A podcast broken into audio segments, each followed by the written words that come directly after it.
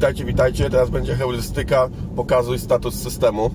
Heurystyka użyteczności mówiąca o tym, że każdy system informatyczny, każdy produkt cyfrowy powinien na bieżąco pokazywać, w jakim znajduje się w stanie, y, jakie drogi są do pokonania przez użytkownika, na którym etapie tych dróg się znajduje, a które już pokonał. Przykłady zastosowania tej heurystyki w sposób poprawny. To są wszelkiego rodzaju progress bary, a więc elementy, które pokazują jakiś postęp. Na przykład jesteśmy, nie wiem, w 90% y, wczytywania pliku, tak? Y, wszelkiego rodzaju y, oznaczenia etapów, czyli na przykład w koszyku, tak? Jesteśmy najpierw w koszyku, potem jesteśmy w kasie, nie wiem, dodawania informacji o wysyłce, potem w kasie dodawania informacji o płatności, potem potwierdzenie i potem koniec. Jakby ewidentnie wiem, co się dzieje. Wiem, ile rzeczy jest jeszcze przede mną, na co się spodziewać. Jeśli formularz mamy na przykład wieloetapowy, no to znowu, nie? Ile jest tych etapów, tak? Tematycznie, czego one mogą dotyczyć i tak dalej, i tak dalej.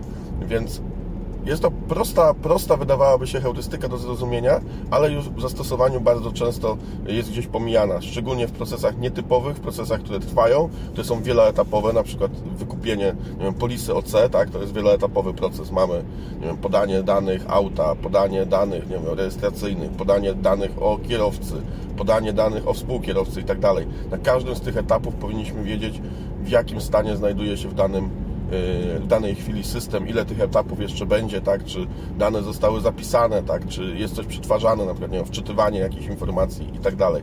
Cały czas powinniśmy być pod stałym, stałe informowani. O tym właśnie mówi heurystyka e, użyteczności. Pokazuj status systemu.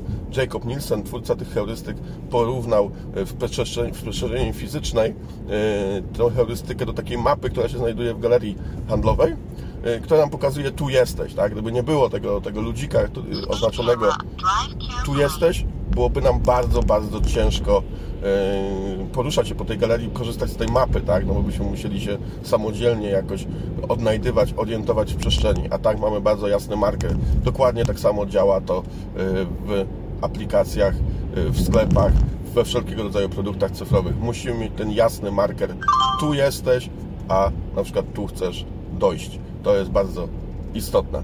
Także uważajcie na te heurystyki, pilnujcie tego, informujcie w jakim stanie jest Wasz system.